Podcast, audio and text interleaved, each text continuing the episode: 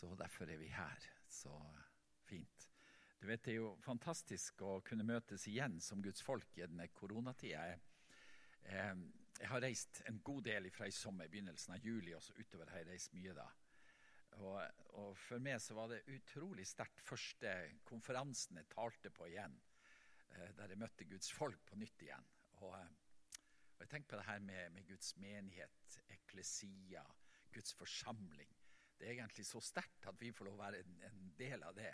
Jeg var i Finland og talte på en konferanse nå for eh, tre-fire uker siden. er det vel nå, På Mangsvekkan heter det. Det er et sånt uh, minnested etter Frank Mangs. Og I Finland så er det to meters avstand. Og Da sa de det at så nære aldri finlenderne vært hverandre før. så det er en litt annen kultur, da. Men det var så herlig å være sammen med de der. Og så er vi her. Jeg har altså um, eh, seks barn. Jeg og Liv har fått seks barn i lag. Vi, vi, hadde forresten en gullbryllupsdag for to uker siden, Liv. Ja.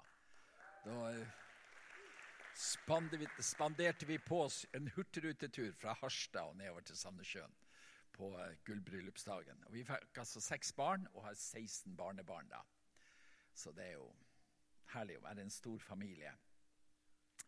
Eh, jeg, med meg noen, jeg har alltid med meg noen bønnebøker for å inspirere til bønn. og Vi har akkurat fått trykka opp ei bok på nytt igjen som heter 'Alt ved bønn', og som handler om livet til ei som heter Armin Gesswein, som har veldig mye med Oslo å gjøre. da. For Armin han var luthersk prest på Long Island med New York. Og så um, hørte han om vekkelse i London. Kom over til London. Og så fikk han høre om Mangsvekkelsen i Oslo. Så kom han over hit. Og så ble han så grepet ut av bønnelivet i Mangsvekkelsen. Hvordan det var liksom en sånn fundament for alt det som skjedde i, eh, i Oslo. Eh, og han eh, ble bønneleder i flere sammenhenger. Begynte å reise videre etter Mangsvekkelsen her. Så begynte å reise med, med Henry Johansen, som var altså pappaen til Asbjørn Johansen, evangelisten. Og så eh, for de rundt i by etter by, og det de brant vekkelse overalt hvor de kom. Og så kom han tilbake til USA og så eh, starta noe som heter The Pastors Association i Los Angeles. Og begynte å samle pastorer til bønn der. Og så er det en utrolig interessant historie som Armin sjøl fortalte meg. Vi satt på en kafé i Amsterdam på evangelistkonferansen der. Og så fortalte han om hva Norge hadde betydd i hans liv. Og så fortalte han en interessant historie som er fantastisk. da. Han hadde denne Pastors Association, og så hadde de bønnenatt på en sånn campus der i Los Angeles. Og så kom det en ung evangelist som heter Billy Graham. Som skulle ha sin første store korstog i Los Angeles. Hadde hatt en del kampanjer, men ikke noe, sett noe gjennombrudd. Og så sier han til Billy Graham jeg har sett noe i Norge som fungerer i by etter by etter by. Hvis du gjør bønn til første prioritet i din kampanje, du har mye bønn foran kampanjen, du gjør det ikke bare som en sånn sideordna sak, så vil du se gjennombrudd i by etter by etter by. Og så sier Armin klokka var ca. tre på natta når jeg sa det til Bill Graham. Og så kom det en hellig ånd over oss, så vi datt om på gulvet begge to. og ble liggende på gulvet. Det var akkurat som det var en bekreftelse fra himmelen over det her som jeg sa. Og så spør Bill Graham kan du bli min bønneleder. Og så ble han bønneleder fra det store korstoget i Los Angeles, som ble Bill Billy Graham sitt gjennombrudd som, som, den kjente evangelisten. Så han bar altså med seg noe herifra som han planta i en av de store gudsmenn som var i historien. da. Og, så, og, og denne boka den er så fascinerende. Jeg, jeg, var i Bergen og hadde bønneseminar, og så kom det ei dame til meg og så spurte går det an å få tak i boka 'Alt ved bønn'. Ja, så sier den er utsolgt. Ja, men den har forvandla mitt liv, sa hun. Så, så, da bestemte vi at vi skal trykke den opp igjen. Så Der ligger en ti stykker ute i gangen, og det er et Vipps-nummer også du kan vippse på hvis du, hvis du vil ha den. Halleluja. Nå skal jeg prøve å, Nå er ikke en sånn veldig lang preiker, så dere skal ikke være skremt at tida er gått for langt. da. Det er jo en enkel evangelist. Men jeg, jeg hadde så lyst, lyst å snakke litt om Jesus og hans skjønnhet i dag til dere. Og da har jeg en sang som jeg har lyst til at vi skal begynne med, som er skrevet ut av en Oslo-gutt som heter Per Sjøtorp. Den er 20 år gammel, den sangen, men noe med det vakreste som jeg hører om Jesus. Han, han skrev den en periode han var veldig syk. Han var så langt nede sånn som han noen gang hadde vært pga. ischias og ryggproblemer. Så han, han, han se, lå på stuegulvet, og så fikk jeg bare den sangen fra Gud. Og Den beskriver Jesus så fint. Vi hører den, Det er litt over fire minutter den tar, så vi hører på den først.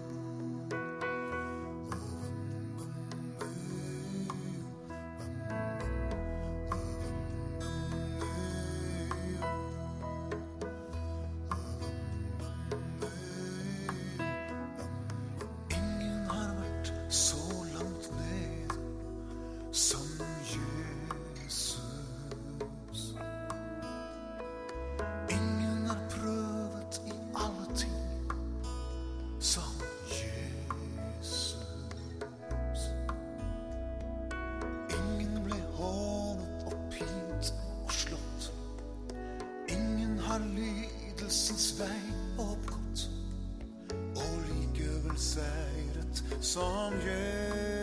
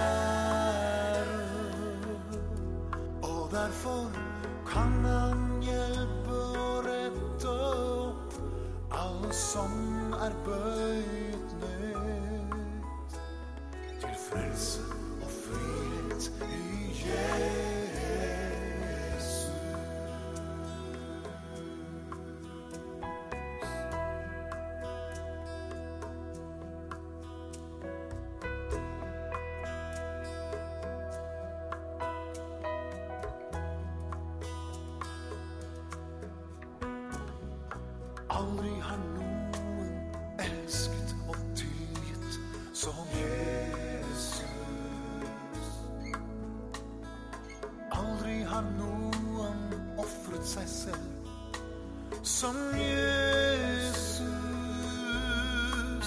Nei, aldri har verden sett en så hellig og feilfri, ren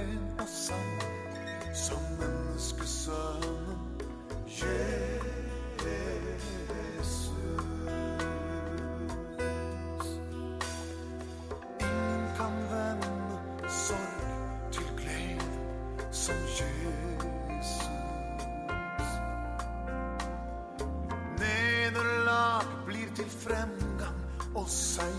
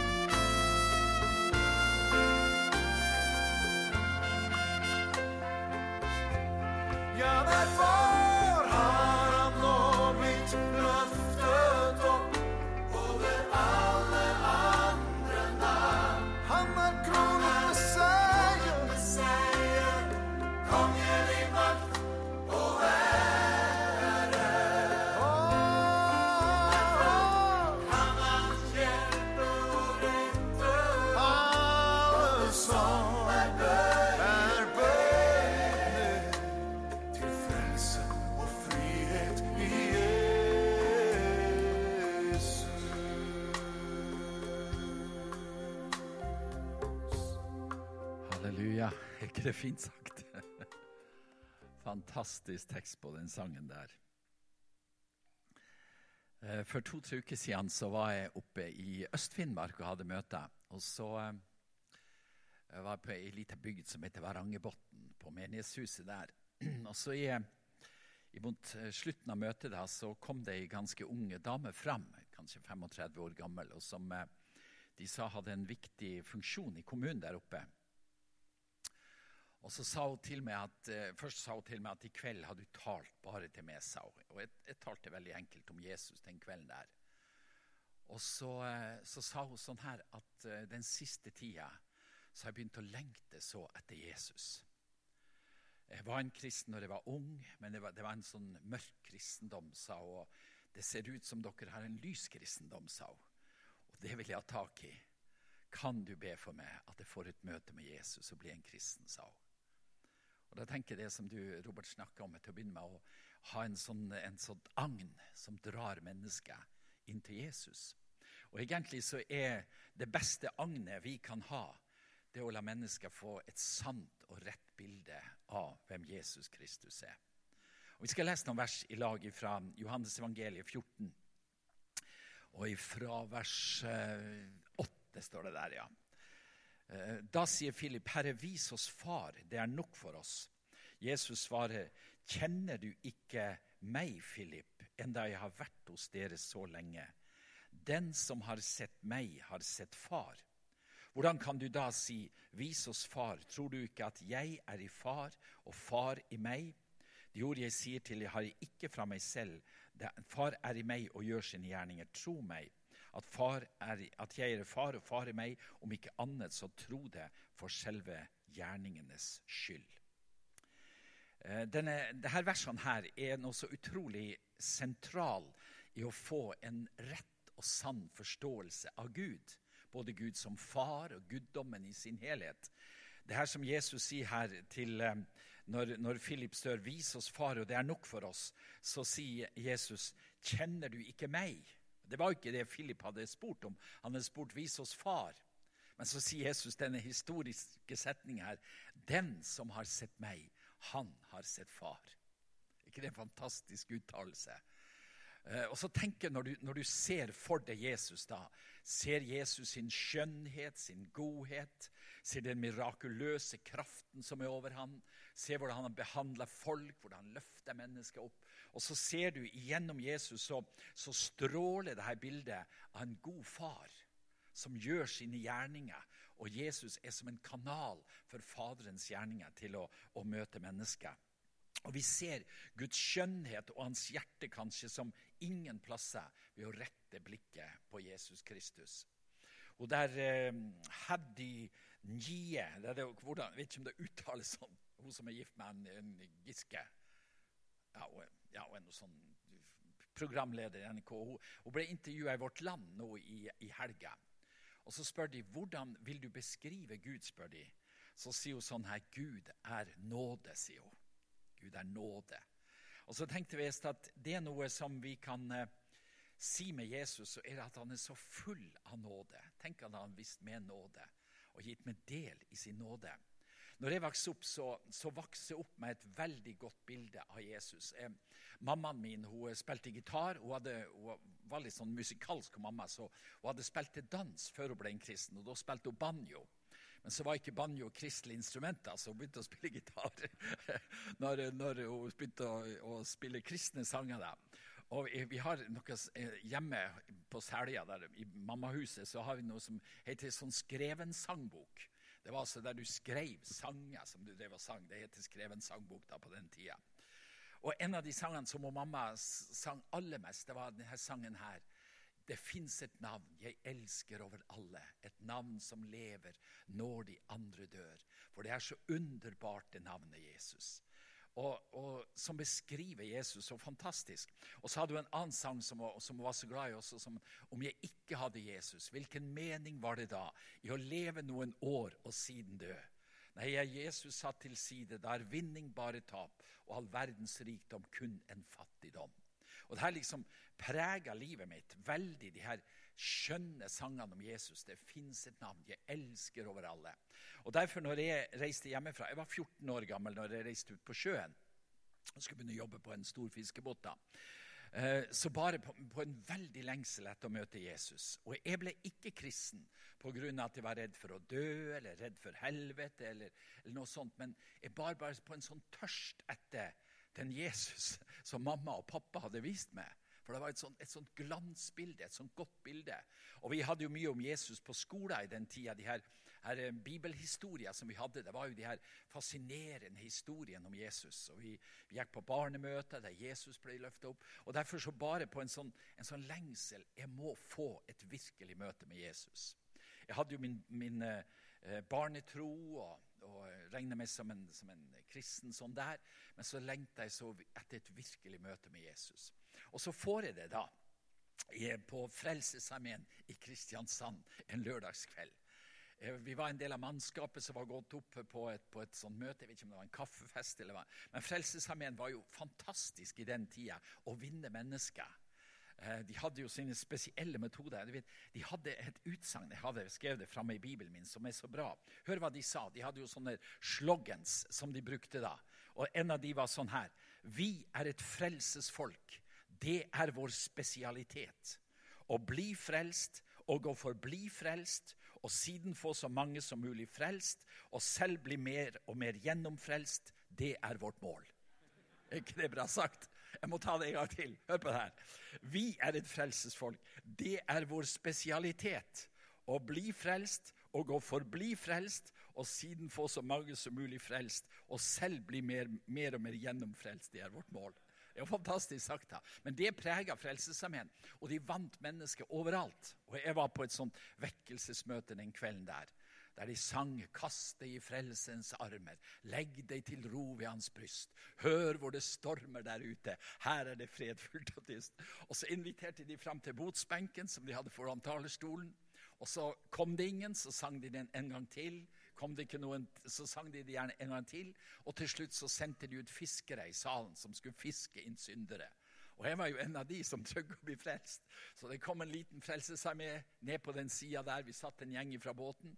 Og før han kom dit, så var jeg på tur opp og reiste med og gikk fram til botsbenken. Og så får jeg det møtet med Jesus da med Jesus sin skjønnhet og Jesus sin herlighet. Og, og, det ble egentlig en sånn kjærlighetsrelasjon med Jesus at jeg, jeg husker jeg ble så grepen av Bibelen. Jeg, så snart jeg hadde fri om bord på båten, så, så, måtte jeg tilbake til nye testamentet, lese om Jesus og drikke inn mer om, eh, om han som hadde møtt så sterkt der framme. Og den kjærligheten som jeg møtte i relasjon med Jesus, den møtte jeg ikke igjen før jeg møtte Oliv. Fire år seinere møtte jeg Oliv. Og da opplevde jeg å bli forelska. Eh, ikke på samme måte, men da på, ja, på nytt igjen. På en veldig sterk måte. Og det, her, det, det var som en, en, sånn kjærlighets- eller en sånn forelskelsesreaksjon som jeg opplevde i møte med Jesus Kristus. Og Derfor så har de her 57 eh, år blir det. Jeg hadde bursdag forrige uke, så jeg må liksom regne tilbake. Så har, så har, det vært en sånn relasjon mellom meg og Jesus som har vært veldig sterkt. Og jeg, jeg slutter, slutter, ikke å fascineres av Jesus. Og glede meg over han. Hver dag så får jeg lov å glede meg i fellesskapet med han. Og Det, er, det er så mange sider ved Jesus som jeg kunne trekke fram, som, eh, som gjør at han er min største kjærlighet og at jeg får lov å leve sammen med han, det er en sånn utrolig nåde over mitt liv. Og Paulus han skriver det så vakkert i 2. Korinterbrev 11. Så sier han jeg skulle ønske at dere ville tåle litt galskap av meg, sier han. Og egentlig så, så er det en galskap i det her også. For verden kan ikke fatte og forstå det her. Hvorfor Jesus er så utrolig eh, gripende, og du blir så grepet av han som person. Og så sier Paulus, jeg ønsker dere tåle litt galskap av meg. Ja, dere får tåle det, for jeg vokter dere med Guds brennende sjalusi. Jeg har lovet dere bort til Kristus, og bare til ham. Hør på det. For å føre dem til ham som en ren jomfru. Men jeg er redd at slik slangen narret Eva med sin list, skal også deres tanker bli ført på avveier, bort fra den oppriktige og rene hengivenheten til Kristus. Tenk på det. Den rene og rene, oppriktige og rene hengivenheten til Kristus. Og Vi snakka en god del om det på bønnesenter. Vi har jo et bønnesenter i Levanger. Vi holdt på i 18 år med bønnesenter på Levanger. Og Det er blitt et sted der mange tusen kommer i løpet av året for å være med oss i bønn. Og så snakker vi ofte om det her med å bevares i den enkle kjærligheten til Jesus. I den enkle og oppriktige hengivenheten til Han. Og det er fortsatt min lengsel at jeg bare skal blankpusses stadig mer i mitt liv. Altså, Jeg har vært en kristen siden jeg var 15 år gammel. Men allikevel så kan jeg si at det her med, det her, Jesus er ikke uttømt som, som eh, eh fascinasjon og gledesemne og kilde i mitt liv. Hver dag så får jeg lov å leve sammen med han og ha det her fellesskapet med han. Og jeg mener at egentlig her så er kjerna i alt det som heter å være en kristen, det ligger her i det fellesskapet og den relasjonen som vi har med Jesus. Og Mange av dere vet at jeg har et sånt eh, favorittvers i Bibelen. Vi har jo mange favorittvers, men ett som har betydd mye for meg. Og Det er første Korinterbrev 1,9. Og Se på det verset her. Hør, hør på det. Gud er trofast, Han som har kalt dere til samfunn med sin sønn Jesus Kristus, vår Herre. Er ikke det bra sagt? Gud er trofast. Han som har kalt dere. Hva han kalt dere til? Ja, du skal få jobbe for Jesus, du skal få tjene han og stå på for han. Nei, det står ikke det. Men han har kalt dere til samfunn med sin sønn Jesus Kristus, vår Herre. Og tenk at det er det som å være en kristen. Det å hver dag pleie samfunnet og fellesskapet med Jesus. Når jeg leste verset her, så bruker jeg å si at jeg har et, et veldig sterkt evangelistkall som Gud ga meg som 16 års gammel gutt. For jeg var ikke villig å bli evangelist. Jeg hadde fødselsmerket mitt i ansiktet og sa Gud, det går ikke an. Det, det, det, er helt umulig. Jeg kan ikke være evangelist og stå foran folk. La meg få være fisker. Jeg hadde så lyst til å være fisker. Og Det som var min store drøm opp gjennom barndommen. Så jeg sa til Gud at det er jo greit at torsken ser meg, men la ikke folk se meg. Så jeg var liksom sånn og protesterte mot Guds kall. Og Derfor måtte Gud kalle meg på en sånn sterk måte gjennom et syn, der jeg så mennesker som rasa utfor et stup, og der jeg så noen som sto og tok imot dem og prøvde å berge dem før de for utfor den klippa der. Og så sa han Håkon, der er din plass, du skal være evangelist. Og det har jeg vært da, siden da. Jeg har reist i ja, 57 år, er det vel. Nei, 55 år er det vel. Jeg hadde holdt på nå. Og så, og så er det veldig viktig for meg, det her kallet som Gud ga meg til å være evangelist. Men vet du, det er ikke mitt viktigste kall. Mitt viktigste kall sto her i 1. Korinterbrev 1,9. Det er å hver dag pleie samfunnet med Jesus. Det er mitt aller viktigste kall. Og hvis det er trofast imot det kallet, så kan det være evangelist. Ikke trofast imot kallet til samfunn med Jesus, så kan jeg si farvel til evangelisttjenesten min. For det er her å pleie fellesskapet med Jesus er så viktig hvis jeg skal kunne fungere i det som Gud kaller meg på. Alle forskjellige plan. Kanskje har du et kall i sosialtjeneste, i andre jobber. Men det viktigste hvis du skal oppfylle andre kall Gud gir deg, det er å ta vare på det første kallet ditt. Og så er jo Paulus genial når han eh, gir oss det verset her. Så han, begynner han sånn her. Gud er trofast. Han som har kalt dere til samfunn med sin sønn Jesus Kristus, vår Herre.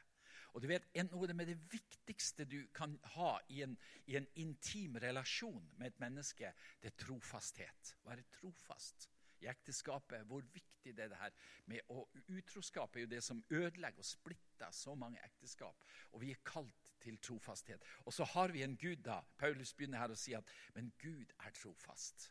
Og Det er derfor det her samfunnet med Jesus og relasjonen med Jesus kan fungere så sterkt i vårt liv. For når vi kommer Vi er jo ikke tro, vi er jo ofte utro i vårt gudsliv, der vi ikke gjør det Gud sier, sier vi skal gjøre. Men så vil vi alltid møte den trofaste Gud. Du vet, Hvis det er noe Gud ikke kan, så er det å være utro. Gud kan ikke være utro. Han er den alltid trofaste Gud. Og Derfor kaller han oss inn til denne relasjonen og det fellesskapet med Jesus, der vi får lov å møte han og pleie han og blankpusse forholdet vårt til han. Og Det er fantastisk at vi er kalt inn til en sånn person som Jesus Kristus for å få fellesskap og liv med han. Du vet at no, Noe som alltid har fascinert meg, det er de her Jesus-vitnesbyrdene. Jeg elsker jo de her evangeliesendte guttene når de står fram og vitner. De prøver å overgå hverandre hvor fælt de har levd.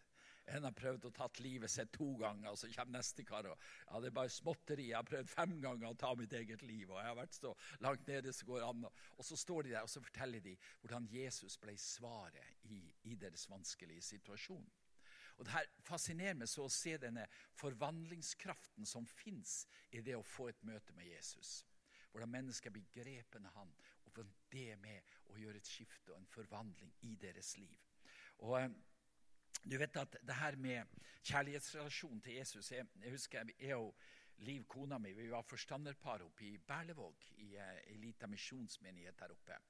Og Så fikk vi besøk av Edin Løvaas, som reiste rundt og, og preika om det her med kjærlighetsmåltid som han var veldig opptatt av en stund. Jesusmeditasjon og kjærlighetsmåltid. Mange av dere kjente til Edin. Og Han var jo en fantastisk formidler, og vi ble så berørt av det her. Så vi begynte med sånn kjærlighetsmåltid i Berlevåg. Vi hadde stått i en vekkelse der, nye mennesker var blitt frelst. Og så fikk vi gjennom de her kjærlighetsmåltidene der vi bare spiste i lag. Vi hadde det sånn at det var bare lov å snakke om Jesus under måltid og ting Jesus har gjort i vårt liv. Så så vi hvordan menneskeliv ble forvandla gjennom at de fikk et sterkt møte med Jesus. Og så mange ganger i det kjærlighetsmåltidet og det her nadverdshandlinga som vi hadde, så opplevde mennesker nesten fysisk å møte Jesus. De fikk se han og kjenne han og erfare han i sitt liv. Og denne kjærlighetsrelasjonen til Jesus er det som er det kallet som Gud kaller oss inn i. Og du vet at evangeliet det er jo fascinerende. og jeg tenker på det at Vi i Norge har kaller Johannes 3,16 for den lille bibel, som er selve kjerna i evangeliet. Det er jo så flott, for der står det at så høyt har Gud elska verden, at han ga sin sønn, den enbårne, for at hver den som tror på ham, ikke skal gå fortapt, men ha evig liv. For Gud sendte ikke sønn til, sønn til verden for å dømme verden, men for at verden skulle bli frelst ved ham. Og dette verset, Jeg har lest det masse tusen ganger. Men plutselig en kveld jeg lå og leste det, så spurte jeg meg på nytt igjen. For så høyt har Gud elska verden. Og så var det som om Golgata passerte revy for meg. Så ser jeg hvordan Jesus blir mishandla i, i, borgen. Piskeslagene suser over hans rygg. Og far står og ser på det fra sin himmelske, fra den høye himmel. Så sier han bare et ord imot de bødlene, så er min sønn fri fra alle lidelser. Men så retter han blikket på det og meg og så unnlot Gud å gripe inn, for så høyt har Gud elska verden.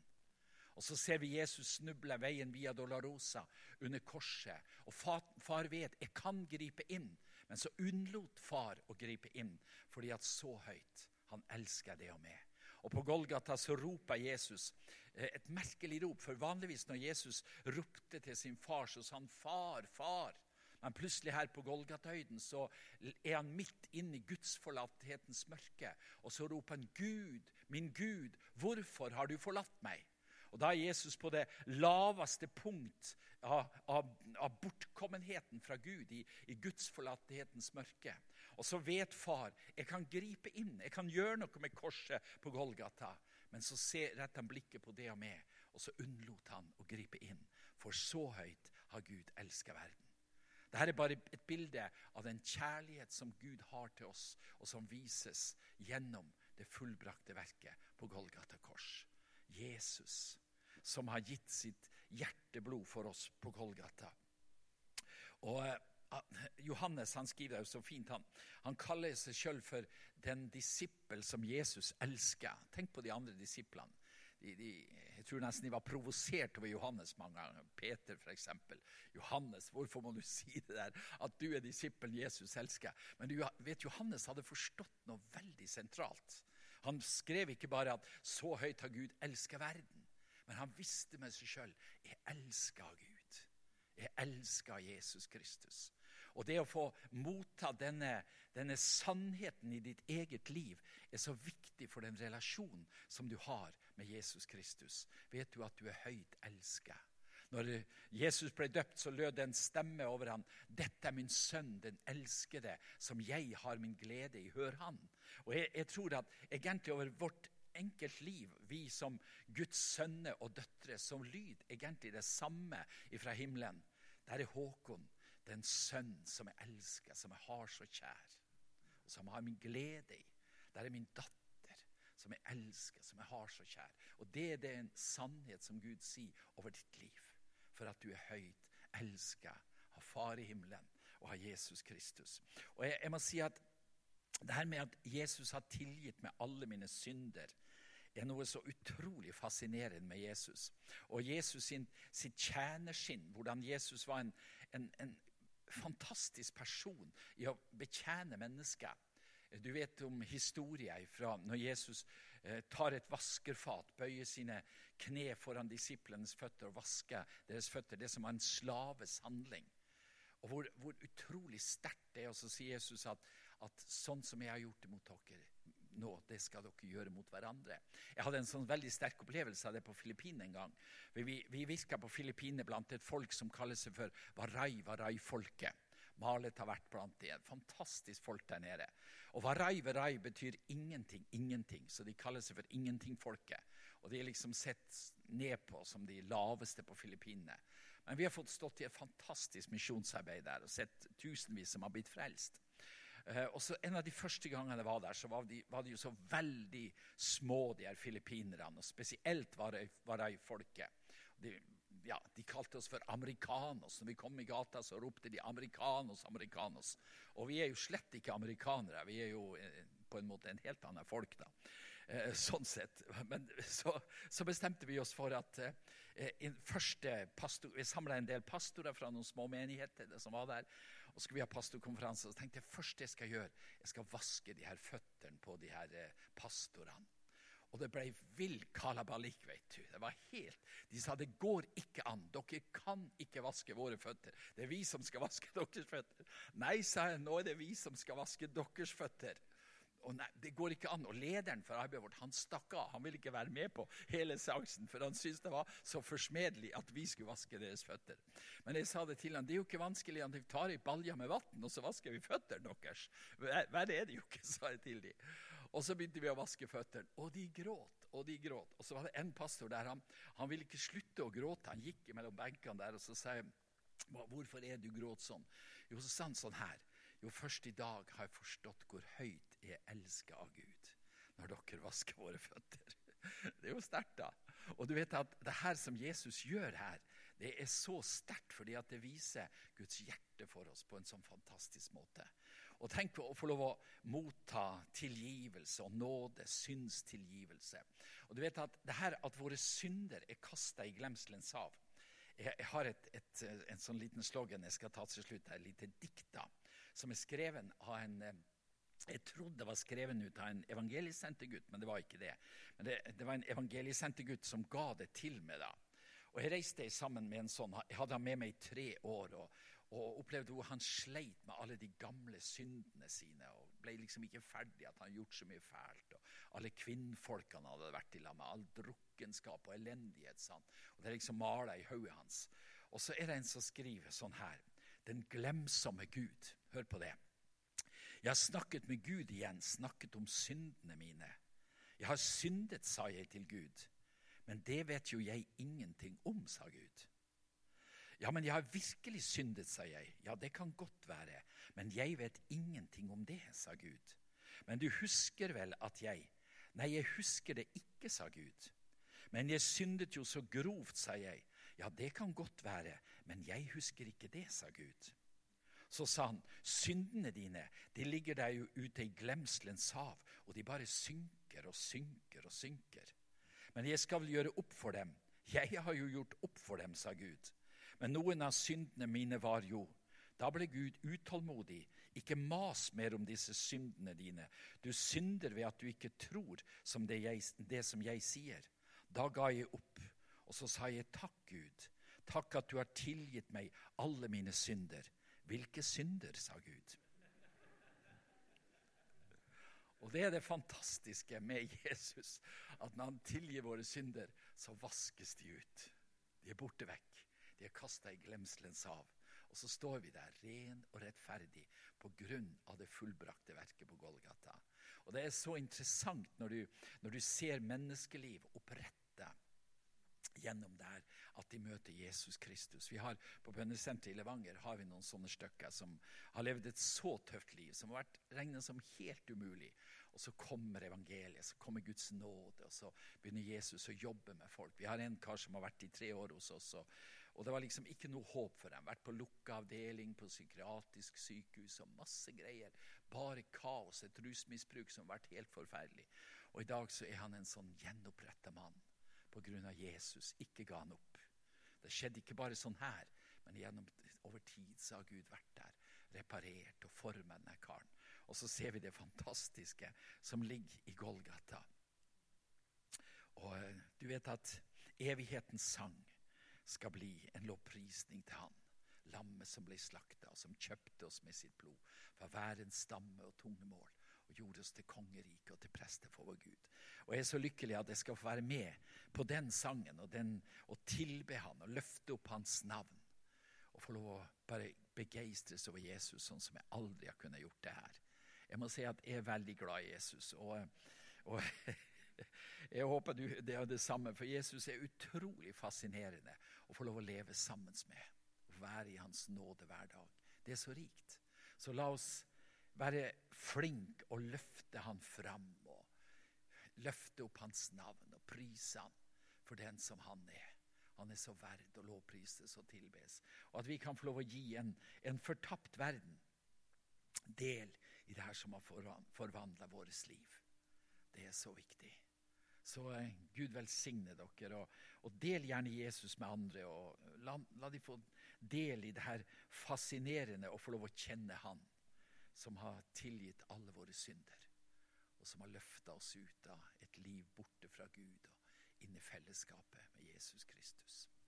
Herre, vi takker deg for at vi får lov å leve sammen med det. Takk, Jesus, at vi har fått lov å sette din skjønnhet og få lov å være fascinert og grepen av den her, og kjenne gleden i det og tilhøre det.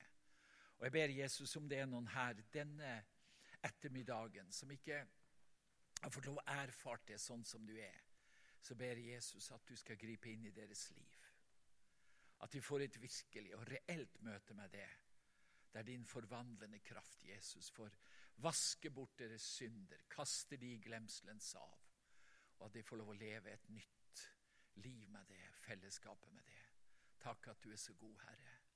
Takk for din velsignelse. Takk at du er her og vil røre ved mennesker. Jeg ber at du ved din kraft skal være over de som har behov av et nytt og sterkt møte med det. Kom og gjør ditt verk. Det ber vi om. Vi ber i Jesu navn. Takker deg for du hører vår bønn. Takk skal du ha. Jesus. jeg vil gjerne si det, Hvis du er her som kjenner at du eh, har lyst til å bli bedt for, så er vi jo her. Jeg vil gjerne be for det. Og jeg ble, så, jeg ble så veldig mint om når jeg satt der før jeg gikk fram her, at jeg tror det er noen som har slitt mye med den her venstrearmen sin, hatt mye problemer med den. og Jeg tror Gud har bare lyst til å gripe inn og helbrede den armen din og gjøre noe med den. Jeg bruker å få en del sånne minnelser. så uh, Hvis du føler at det stemmer inn i ditt liv, så uh, vær frimodig og kom, skal vi be for det. Og så uh, får vi får høre meg Ketil hvordan dere gjør det her. Det er jo sånn koronaavstand. Så vi, vi hadde besøk av en på bønnesenteret. Han hadde laga seg en stav som han retta ut imot folk. Som han bare berørte de med staven. Så kanskje det er noe vi må finne på flere av oss. Ja. Legge inn et batteri som blir litt ekstra støt. Ja. Men iallfall, hvis du kjenner vil ha forbønn, så, så, har vi lyst til å be for det. Gud velsigne dere. Ja. ja tusen takk, Håkon. Um, og vi gjør det sånn at uh, Hvis du har lyst til å ta imot forbønn, så har vi forbedere her i menigheten som, uh, som, vil be for deg. Og uh, jeg vet at de har tenkt gjennom hvordan man gjør det. Men nede, der nede på min høyre side, deres venstre side, så er det mulighet til å ta imot forbønn. Så vær frimodig å ta imot forbønn. skal kjenne dere skal vil, vil det. Eh, men vi tar og, og lovsynger Jesus eh, nå mot avslutninga av samlinga også. Så leder lovsangsteamet oss i, i, en tilbedelse. Så tar vi imot det som vi har fått lov til å, eh, å høre fra, fra Håkon.